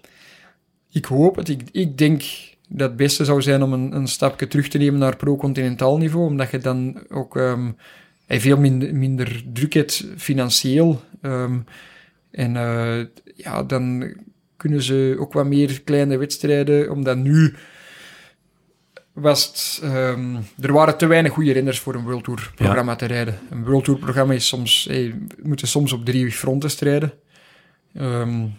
Maar ik hoop, ik hoop uit mijn Ja. hart dat het goed komt en ik heb veel contact nog met hun. Leuk. Ehm, Ja, je rijdt ook nog in de, in de kleren. ja, ja, ja, Ja, inderdaad. inderdaad. Tot, eh, tot 1 januari is dat, hè? ja, ja. dat klopt. Maar je, eh, het, je moest op een gegeven moment, kwamen ze naar je toe, je was in supergoede vorm. Je had de transformatie naar eh Kampenaars 2.0 snel voltooid. en toen kwamen ze met het gesprek van, het is beter als je een andere ploeg zoekt. Of kwam, kwam het initiatief uit, je, uit jezelf? Nee, dat, dat- Ehm, nee, het was... eh, er was financieel onzeker. Ik, ik had nog een contract voor volgend jaar. Ja. Er was financieel onzekerheid voor, ehm, voor volgend jaar, voor 2022, omdat er nog geen sponsor vol eh, vast lag. En dan, eh, dan hebben ze gewoon gezegd... eh, wij gaan u niet eh, vastbinden aan dat contract. Wij willen van onze kant dat contract ontbinden, eh, zodat jij zekerheid kunt hebben voor volgend jaar, wat dat eigenlijk een hele mooie geste is. wel heel sympathiek, ja. Omdat Ja, eh, wat dat ze ook zouden kunnen doen is ehm, eh, zeggen eh, van jij goed, moet bij ons goed. blijven, want dan kunnen wij nog makkelijker sponsors eh, Ja. aantrekken of, of iets in die stijl. En dan eh, op de laatste moment, als het niet lukt, hun failliet verklaren. En dan... En dan heb jij een probleem. Want Ja, dan zitten alle ploegen vol. En dan, dus Klopt. ja, wel mooi. Nou Dus ja, terug op het oude nest. Ja, ja, Gewoon de inderdaad. kroeg in, bierveeltje en tekenen maar. Nou, wat, hè, want het was ook echt, er stonden, er bleek ook echt rijen van ploegen voor je klaar te staan. Want het was, Dat je was- was, een populair, dat was, eh, populaire renner. Dat was ongelooflijk, omdat ehm, ook vorig jaar was er een bepaalde onzekerheid na 2020 eh, voor het bestaan van de ploeg, alleen voor de huidige ploeg toen in, in TT, eh, dan Quebeca geworden. Ehm, en toen ben heel blij dat de ploeg is doorgaan, want anders eh, denk ik dat... eh, had ik gewoon geen, geen onderdak gevonden. Omdat wie moet er nu een tijdrijder hebben die daar op zijn terugweg is en gewoon nergens nog kan winnen? Een gemaakte tijdrijder dan nog eens. Er gingen zelfs geruchten dat je, dat je over een brandweerman-carrière eh, nadacht. Ja, ja maar, maar dat, eh, dat was, ik was echt serieus bezig Ja. met, met, eh, met backup. eh alleen met, met een plan B, eh, wat als het niet lukt. Eh, want als, hey, als de ploeg niet was doorgegaan op die moment, dan, eh, dan had ik gewoon eh, niet meer in het profpeloton gezeten. Eh, jammer. Eh, maar ik ben blij dat Ja. hij is doorgegaan, maar ik heb me dan getransformeerd en dan... eh, was er weer die financiële onzekerheid. Ja. En dat was ehm, En welke... ja, compleet een heel andere ervaring. Dat was gewoon direct, vanaf dat dat duidelijk werd, eh, stond de telefoon eigenlijk. Ja? Wie hebben, wie hebben er allemaal geïnformeerd? Ehm, de voornaamste waren eh UAE, Quickstep, eh, Lotto, Bora. Ehm, Wauw. Dat zijn ook niet de minste. dat is, eh, ja, ik, was zeker, zeker geflatteerd. En, waarom niet Quickstep, als ik vragen mag? Ook een Belgische ploeg? Ik moet zeggen, ik heb, ik heb getwijfeld tussen die twee ploegen. Dat dacht ik al, ja. Ehm, voor mij... allee, ja, dat waren, de, dat waren de twee ploegen waar dat ik ook al eigenlijk voordien gesprekken mee had, voor eventueel verder in de carrière, niet voor het jaar daarna. Ehm, maar eh, bij Quickstep, die hebben een hele sterke eh, teamsfeer eh, en die winnen heel veel. Ja. Wat dat wel fantastisch is, dat was het aantrekkelijke aan die ploeg. Maar ik ben een rare kwiet. En ik weet niet of dat, dat daar zou passen. Ik wil altijd iets, iets speciaal kunnen doen of Ja. bepaalde dingen anders benaderen. Ik heb ook een trainer dat niet uit de wielersport komt, maar uit een triathlon. En ik eh, werk graag met een psycholoog samen dat nieuw is in de wielersport. Ehm, ja. Ik doe graag dingen een beetje anders dan anders. En ik vrees dat bij Quickstep eh, dat ze zouden zeggen... Jongen, wij doen al jaren eh, een stage in Calpe en Ja. wij trainen die blokken en dat is altijd al goed geweest. Dus Luister laten we dat maar. gewoon Ja. doen zoals dat we dat altijd doen. Eh, En, toen dus terug naar Lotto. Ja. En ook vooral bij Lotto, ja, wat dat, eh, die jonge gasten, ik spreek Ja. dan vooral eh, Brent van Moer, die dat in een Dauphiné fantastisch vindt, maar Ja. ook bijna in een Tour hetzelfde, Ja. hetzelfde doet. En ik zat in dat peloton in een Tour en wij reden vreselijk hard en dat bleef, dat bleef maar 50 seconden. Eh, Florian Vermeers, ja, eh Parijs-Roubaix, dat was, dat was schitterend. En waren er geen hard feelings naar Lotto Soudal? Ik bedoel, je, je, was, je had natuurlijk veel aandacht gegenereerd met je werelduurrecord. Eh, je hebt volgens mij ook, toen je voor hun reed, eh, wedstrijden gewonnen. Ehm, je, contract werd niet verlengd, omdat zij Gilbert en, en Degenkolb haalden. Dus was financieel niet meer ruimte. Had je niet zoiets van, zoek het uit? of Ehm, had je, heb je is het op die, op die moment was dat niet leuk, omdat ik wou hey, met de renners en met de staf en met de ploeg... Ik had met iedereen daar een, een heel goede band, en nog altijd. Ja. Dat was heel frustrerend, want eh, ik kreeg op een ander ehm, dubbel zoveel geld als dat, als dat ze mij daar konden aanbieden. En dat, ze, konden mij, ze namen mij dat ook niet kwalijk, dat ik die keuze heb gemaakt. Ehm, ik, eh, ik, ik koers niet voor het geld, maar dubbel zoveel is, Ja. is uiteraard... Dan, dan, koers je niet, dan kies je wel voor het geld, uiteraard. Ehm, maar eh, ja, nu was dat financieel geen, geen struikelblok. En dan, eh, ja, dan was die keuze eigenlijk... allee, dan was, er zijn eigenlijk helemaal geen hard feelings geweest. Eh, maar in de pers vonden ze dat wel fantastisch om Ja, daarop in te gaan. ja, van, hey, hoe komt dat nu dat je nu met open armen ontvangen wordt? Ehm, maar Het viel mee. Ik heb nog een, nog een, een laatste vraag over de transformatie. Daarna nog een paar luisteraarsvragen. Ehm, want eigenlijk vind ik eh, nog, nog eh, mooier dan je Giro-overwinning. eh, net al eventjes de, die derde plek in de Benelux Tour. De Benelux Tour afgelopen jaar was natuurlijk echt extreem sterk bezet. Met ook echt een schitterend parcours. En omdat het WK natuurlijk in Leuven was, ja, deden alle grote mannen daar mee. Ehm, daar, in plaats van in de Giro, was natuurlijk in de vroege vlucht. Win je, schitterend, dan is je kostje gekocht. Dat is natuurlijk heel fijn. Eh, mooi voor de ploeg, mooi voor jou. Maar in de Benelux Tour deed je echt mee met de grote jongens. Daar was eigenlijk je transformatie compleet? ehm, Of zie je dat zelf niet zo? eh, compleet winnen, winnen is hetgeen waar dat vooral Ja. eh, naar gekeken wordt. Ehm, maar dat was voor mij uiteraard wel een grote bevestiging. En ook voor, voor het zelfvertrouwen. Als je dan ehm, eh, op een moment in die Ardennen-etappe gaat Dumoulin, eh, Ja. die dat er toch wel in- over een heel goed stel benen beschikte. Eh, die ging er gewoon vreselijk hard aan op een klimmetje. En dat deed zoveel pijn om te volgen. Maar ik keek en er zat gewoon niemand niet meer in het wiel. En we kwamen boven en ik, ik, ik denk, ik vermoed dat Tom op die moment ook even heel diep had getast, getast in het krachtenarsenaal. Ehm, en ik ook. En we zien Colbrelli eh en ehm Mohorik eh rijden eigenlijk op, vijf meter van ons of zo. Ja, En dan eh, is Colbrelli ervan weggereden en hebben wij even op adem gekomen, is alles weer samengekomen. ja. Maar dat, die moment, ja, dat was voor mij wel... Hier, allee, ik kan Dumoulin hier eh, volgen op een beslissend moment. De ultieme bevestiging. Ja, ja, ja. Ja, mooi. En wat voor, ehm, wat voor koers eh, kijk je nu volgend jaar naar? Heb je al, eh, heb je al een cirkeltje om het koers heen gezet? Ja, ja eh, uiteraard. ehm, gewoon hier ook, die een van de Vlaamse voorjaarskoersen. Dat zou voor mij het eh, ultieme zijn. Welke is je favoriet? Ja, als je kunt kiezen, dan, dan zou ik zou Ronde van Vlaanderen boven Roubaix verkiezen. Veel, de meeste ik zouden ook, Roubaix. Ik ook, Ja, ja. zeker. Ja, absoluut. Mooi, jullie komen echt nader tot Ja, elkaar. ja, dit mooi. Ook wel, eh, ja. Ja, ik vind de ronde... Ja, het is... Maar ik ben, ik ben is. realistisch. Ik kom van tijdrijden. ehm, en tijdrijden, een lange tijdrit is één uur. Ehm, en ik merk ook dat hetgeen wat dat, waar ik het moeilijkste mee heb, is de afstand.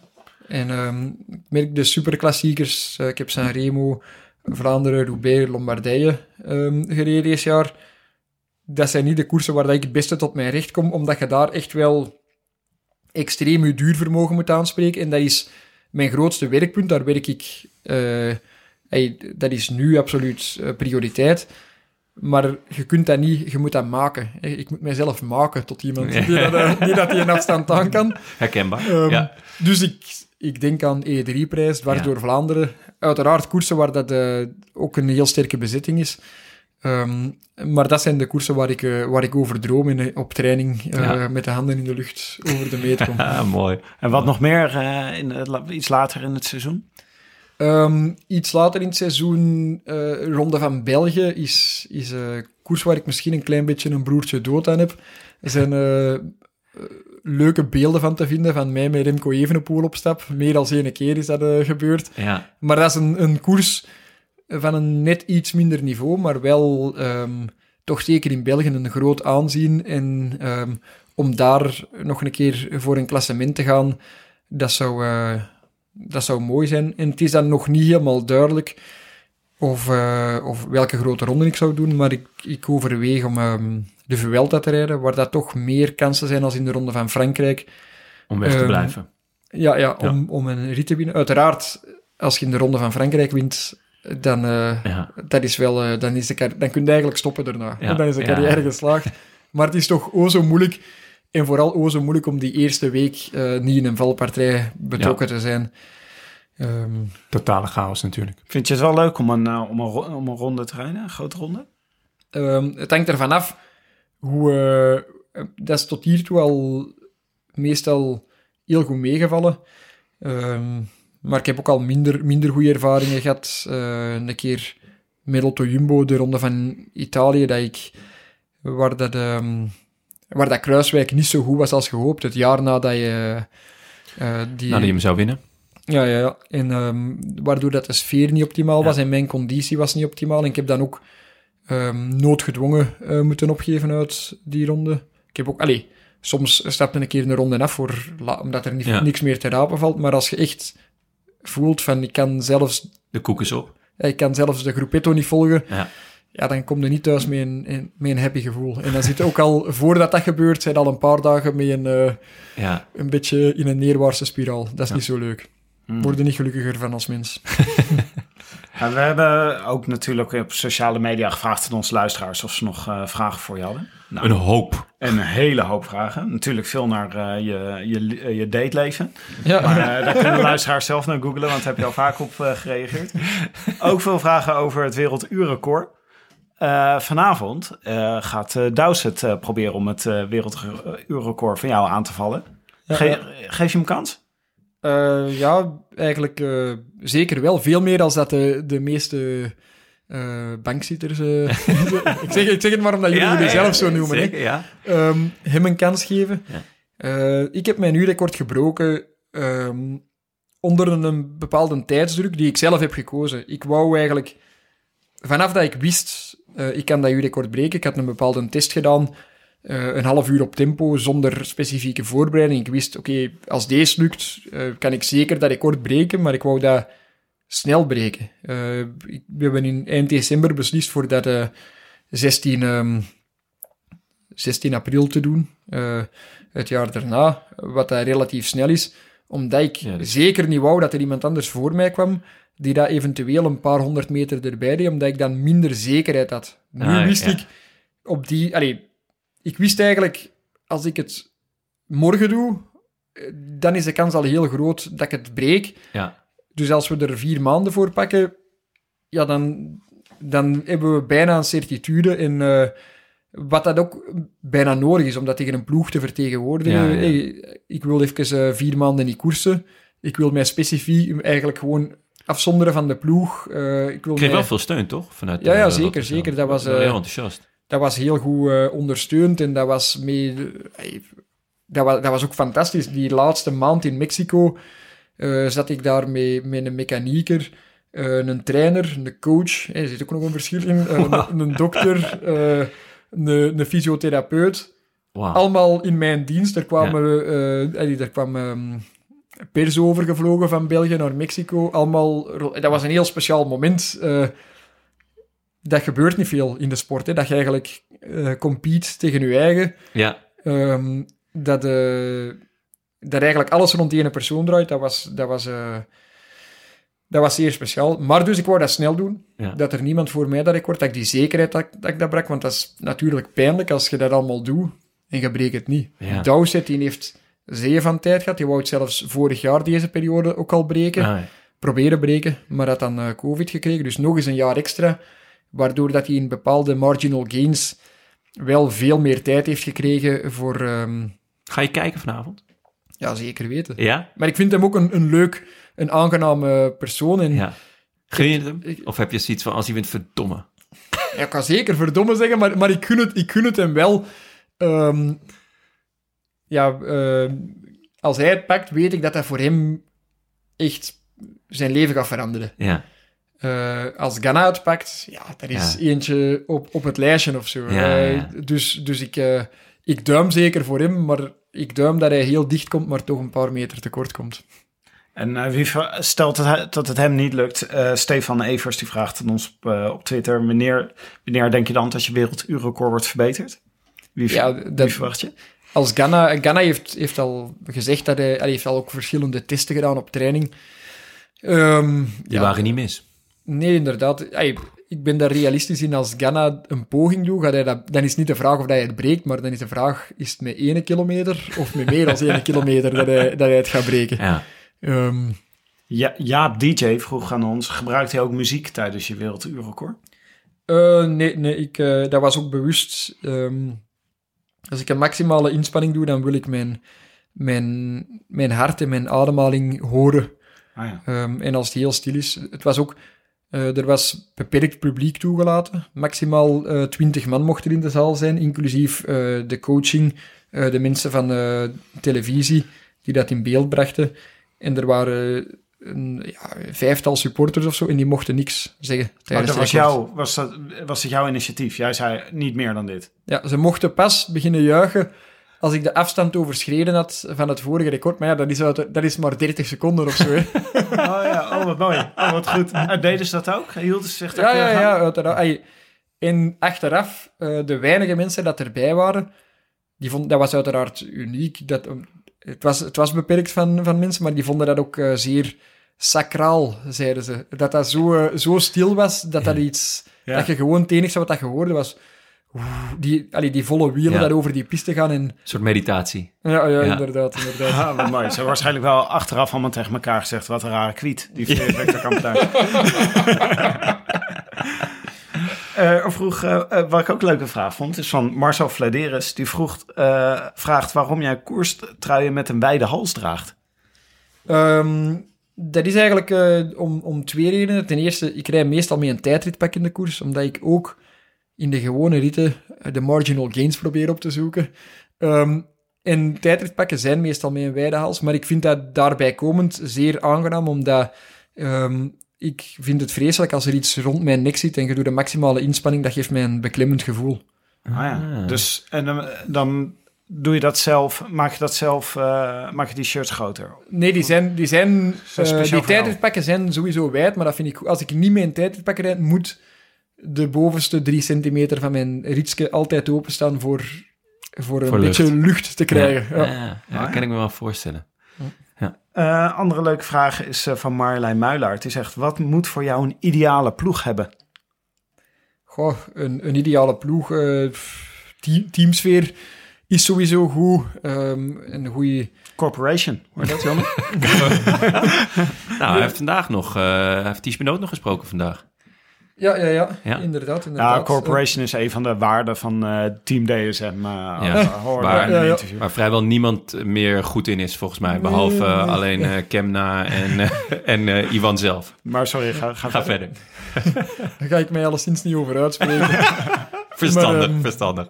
Nee, maar, maar dat je een, goede teamsfeer, dat, dat je niet goed in dan, maar een goede management en eh sportdirecteurs dat eronder staan, dat alles gestructureerd loopt en dat niet door elkaar loopt en dat ehm, verantwoordelijkheden worden verdeeld binnen de ploeg. En dat je af en toe met elkaar op café gaat. Ja, ja, op de juiste moment. Ja, ge- gebeurt dat wel eens eh, eh, tijdens het seizoen of alleen voor het seizoen? Tijdens het seizoen wel, als je nu in een grote ronde net beëindigt dat Ja. succesvol is geweest, ja, dan eh, zeker weten. Ehm was ook wel storend als je corona, met de corona, dan, eh, dan, ja, dan Ja, kon soms op die moment, dan, dan denkt je, ehm, nu moeten wij op café gaan, Ja. want wij hebben die grote ronde gereden. Ehm, maar, dan, maar dan, zoals iemand met een 9-to-5-job, gaat het niet op café. Dat, dat, gaat, dat gaat gewoon niet. Ehm, en eh, dat er moet je dan bij neerleggen. Maar anders, op de gepaste momenten gebeurt dat en dan genieten daar ook van. Eh, wie, is, eh, wie zijn de grote feestbeesten bij Cu- Quebeca? Wie waren de, de aanjagers? Bij Quebeca, oh, Gasparotto zat in de ploeg. Oh, ehm, ja. Het eerste jaar dat ik daar zat. En dat is wel meer voorsprong eh, de aanjager. Ja? En, ehm, Rico. Oh, en ik moet zeggen dat, eh, dat ik mijzelf ook een, eh, een pluim Ja? kan opsteken. lekker. En bij, Lo- en bij Lotte Soudal, weet je al wie, eh, wie daar lekker een, een pintje gaan drinken? Ja, die jonge gasten Ja? eh, daar, die... Vermeers, Ik moet zeggen, die mannen die kan ik niet, niet Nee? bijhouden. Oh, lekker. Die moeten we ook eh, die moeten we strikken. Gaan we daar naar de kroeg in. Nou, vroegen ook veel mensen naar gewoon... Er is, een, er is natuurlijk bepaalde dominantie van jonge renners op het moment. RJTS 1980, die zegt... Hoe verklaar je de, de dominantie van jonge renners? Goh, ehm, ik heb ooit eens gehoord, eh, een ploegleider, dat zei, "Wa- wat goed is, komt snel. Ehm, dat ging toen over eh, Jasper de Buist, eh, die dat heel vroeg in zijn carrière goed presteerde op zesdaagse en Ja. wereldbekers op de piste. Klein beetje blijven hangen, nu wel absoluut zijn rol voor Caleb Ewan gevonden. Maar, maar bij die mannen, ehm, zoals Evenepoel en Pogacar en, en eigenlijk, ja, eh, Wout, Wout is ook gewoon nog een, een jonge gast en Ganna ook. Ehm, bij die mannen geldt dat wel. Ja, wat goed is, komt snel. Ik hoop dat die mannen op hun top zijn en dat die niet meer beter worden, maar ik vrees ervoor. De naam eh Ghana valt vaak. Eh, het jaar dat jij eh, besloot om, om, om het anders te gaan doen, dus dit jaar, eh, maar het jaar daarvoor, won hij vrijwel elke tijdrit waar hij aan de start stond. Heeft hij jouw keuze mede bepaald? Ja, zeker, zeker. Omdat hij was toen zo superieur ehm, dat eh, bijvoorbeeld in Tirreno Adriatico... ehm, Daar werd je tweede, geloof ik? Ja, ja maar dat was echt mijn beste tijdrit dat Ja. ik ooit heb gereden. Ehm, en ik had het jaar ervoor gewonnen. Ja. Maar ik reed op hetzelfde parcours 20 seconden sneller. En dat is een parcours op en af. Je kunt over wind en zo spreken, maar op een tijdrit van 10 minuten, 20 seconden. Ik reed, ik reed heel goed. En ik, ik brak ook het parcoursrecord van, ehm van Cancellara. Eh, Pak dat, ik denk dat ik er 6 seconden af deed of zo, maar Het is, het is Zes- bijna elk jaar dezelfde tijdrit, toch? ja, ja. Ja. Ze zeiden dat toen dat Cancellara dat parcoursrecord pakte, dat hij licht gaf in het donker. Maar, eh, maar, ik, maar Ganna, die, die was nog eens op, op Ja. zo'n korte tijdrit, ik denk een halve minuut voor op mij. Ja. Eh, en dat was echt een, een mokerslag. Het jaar daarna, als ik had gereden, het jaar daarna, dan, Klopt. dan had ik voor Wout van Aert gewonnen met Ja. die tijd. Ja. Eh, dan zou ik die tijdrit hebben gewonnen. Maar toch ben ik blij dat Ganna mij daar op, zijn plaats, op mijn plaats heeft gezet voor die, die overschakeling te doen. En, en extreem veel allee, plezier eh, in de koers terug Vind je het leuker, dit, wat je doet nu? Leuker ja, dan veel, de veel, allee, veel leuker, maar vooral omdat ik dat tijdrijden al jaren deed. En het is altijd tof in je leven om, om iets compleet anders te doen. Ehm, En eh, ja, ik, ik voel me een beetje zoals eh, een nieuweling. Soms koers ik ook als een nieuweling. Nee, Ja. Te vaak. Ehm, Maar dat, dat heeft daar ook mee te maken, omdat dat een nieuw is voor mij. Maar, maar het is toch leuk om er heel veel plezier in te hebben. Mooi. Nog even eentje. Ehm, eh, tips, Bas Tips vraagt: voor wie in het peloton heb je momenteel het meeste respect? Goh, ehm, dat is een moeilijke vraag. Het is moeilijk om te zeggen. Ik denk, Wout van Aert is wel echt... Dat is, dat is een klasbak. Ehm, ik ken die ook... eh, niet, dat, niet dat wij ieder, eh, iedere week op restaurant gaan samen. Maar ehm, eh, met wereldkampioenschap. Ja. En het is een Belg. En ik heb er klikt uiteraard al meerdere goede conversaties mee gehad. En dat is op en af de fiets... ja, een klasbak, zoals Ja. dat gezegd. Dat met heel veel respect eh, over iedereen praat en ook eh, tegen mij met heel veel respect. Terwijl eh, dat je weet, ja, op ieder moment, op ieder parcours kan die mij, kan die mij lossen. Maar Ja. toch gaat hij zeggen, dat werk dat je daar deed, dat was echt Ja, chapeau. Ja, oh, maar we moeten toch even. Ja. Wat is nou het scenario eh, van een koers waarin je Wout van Aert er wel op gaat leggen? Ja, dat eh, kan ik dus niet zeggen, want als Wout... Nee, nee, nee. Probeer dan... eh, Oh, dat mogen we gewoon niet eh, vertellen van tevoren. Anticiperen, anticiperen is eh, bij vele renners het, het doel, maar als je de juiste samenwerking vindt met de juiste renners, dat je wel kunt kloppen, dan kun je scenario's creëren waar dat mogelijkheden zijn. Ehm, Samen En- met Gilbert en eh, Wout van Aert in een eh, klassieke wegrijden. Maar eh, Wout van Aert ga ik dus niet meepakken, want die klopt mij, die klopt mij in ieder, Ja. in ieder scenario als hij er nog bij is. Maar als Lotto Jumbo zich verkijkt op een ontsnapping en Quickstep is al vertegenwoordigd met een man die dat ik zeg maar, Seneschal, die dat ik in een goede dag wel zou kunnen verschalken of, of iets in die stijl, dat zijn de scenario's waar dat je moet van uitgaan. En dat zijn ook de dingen die dat...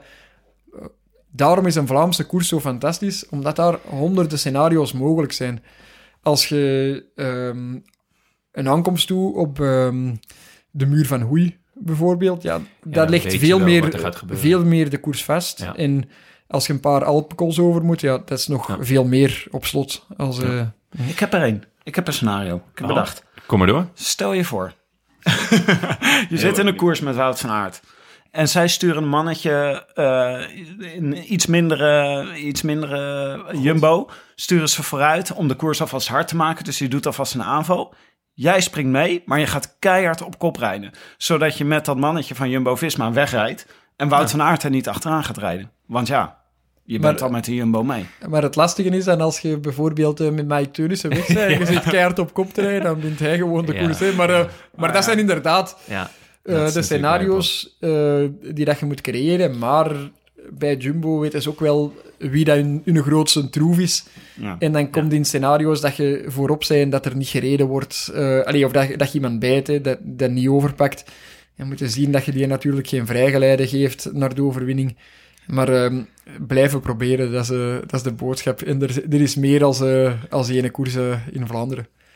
Mooi. We zullen het eens even aan Willem vragen. Die heeft vast Ja, een scenario liggen waarin, zoveel dit, waarin dit gaat lukken. Ja, mooi. Ja, Jan Willem van Schip? Of, eh? Nee, Wi- Willem, onze, onze derde, Ah, derde hond in het kegelspel. Dat Jan Willem van Schip, die gaat ook eh, sowieso Die, heeft, heel eh, veel... eh, gezien. die hebben we ook al eens eh, gesproken. Dat is ook schitterend. Ja, en afgelopen maandag zaten we met zijn huisgenoot, met eh Taak van der Hoorn. Was ook, ja, ja, eh, maar, maar eh, ik, ik, ik wist eigenlijk niet dat dat huisgenoten waren, maar dat zijn dus mannen die dat ook erin slagen om scenario's op te zetten, Ja, dat je vooraf zegt dat niemand zegt, die mannen gaan de koers winnen. Maar Nee. toch, die winnen meer dan één koers per jaar. Hè. ja, ja, ja, ja, Ik heb er maar één gewonnen afgelopen jaar. Dus, eh, misschien de moet ik daar ook gaan intrekken. Ja. Van der Hoorn en Kampenaerts in een eh, ontsnapping mee komende, komende Giro. Zou ik wel mooi vinden. Zou, Zou een, het zou eh, Vuelta worden dan waarschijnlijk. ja, het zou zeker een mooie zijn.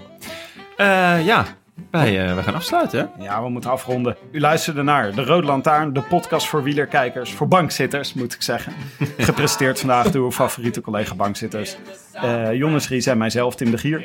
Veel dank aan onze sponsoren. Duracell, natuurlijk voor deze specials. Fiets on the Show Canyon, daar heb je opgezeten neem ik aan vandaag. Zo, ja, hij reed... eh, hij ging als de brandweer, joh. Ja, Ja, alleen bergop vond ik hem matig. Ja, met jou erop. En natuurlijk eh, Auto.nl voor de Cartelara. We hebben waarmee ook nog we in gezeten vandaag. We hebben echt veel... eh, onze sponsoren echt eer aangedaan vandaag. Mooi, Ja, mooi om te zien. eh, hij ging op zijn Cartelaris ging hij snel door België. Eh, en natuurlijk eh, veel dank aan Victor Kampenaars. Dank dat je er was. Ja, merci om tot hier te komen. Het was leuk eh, om erbij te zijn. Ja, vond je het leuk? Ja, ja, zeker. zeker. Mooi. Is het een beetje uitgepraat met Jonne? Is dit een beetje, zijn de gemoederen een beetje bedaard? Maar ik vond het vooral leuk dat je mee bent gaan fietsen. Ja, vond ik Jammer dat echt jij niet mee bent gekomen, Tim, maar ehm, ja, Een volgende de keer dan. plooier, plooiers zijn er altijd. Ehm, ja, nog eh, eh, onze eh, nieuwe vrienden van de show bedanken. Maar dat kan niet, Tim. We zijn helemaal bij. We zijn helemaal bij. We Echt hebben waar? al die 1200 namen gewoon er doorheen gejaagd de afgelopen maanden. Dat is toch ongelooflijk. Maar eh, nogmaals, dus aan iedereen eh, veel dank voor alle, alle 1200 mensen, voor alle steun. Wil je aansluiten bij het Rode Leger van inmiddels meer dan 1200 mensen? Kijk dan even op de en, eh, en trek de poeplap. De Roland Taarn wordt verder mede mogelijk gemaakt door Dag Nacht Media en het Koers.nl. Met veel dank aan onze redactie Bastiaan Gejaar, Maarten Visser, Leon Geuyen. Als mede notaris Bas van Eyck, tevens gediplomeerd brandweerman te Made, het Worstenbroodjes en Postduiven Mekka van Nederland. Ja, eh, over jouw brandweercarrière hebben we het al gehad, hè? Dat gaat hem niet meer worden, of wel? Ik, ik hou het in het achterhoofd nog altijd voor, voor na de koerscarrière. eh. Lekker. Nou, mocht je eh, kunnen kiezen tussen de brandweer in Made en eh, Van Hout, dan moeten we toch wel voor Van Hout gaan, toch? Ja, wij volgen de brandweer te Maden. is een lang Made, verhaal. Made komt eigenlijk altijd te laat. Wil je reageren op deze Roland Taarn? Dat kan. Je eh, vindt ze op Twitter en de Gram. En eh, mailen kan natuurlijk ook tijd op groetjes at de komende weken zijn we er nog met Maarten Koolsloot, schrijver van het boek over de Rabobank. Schitterend. En eh, Sam Omen. Dus je gaat ons nog eh, veel terugzien in je podcastfeed. Mocht je nog vragen hebben aan een van die twee, eh, laat het dan even weten. Want eh, wie weet eh, is, hij, is het een leuk genoeg vraag en eh, dan stellen we hem. Hoe dan ook, eh, tot de volgende keer en eh à bientôt. A bientôt. I wish I could be in the south of France. in the south of France, sitting right next to you.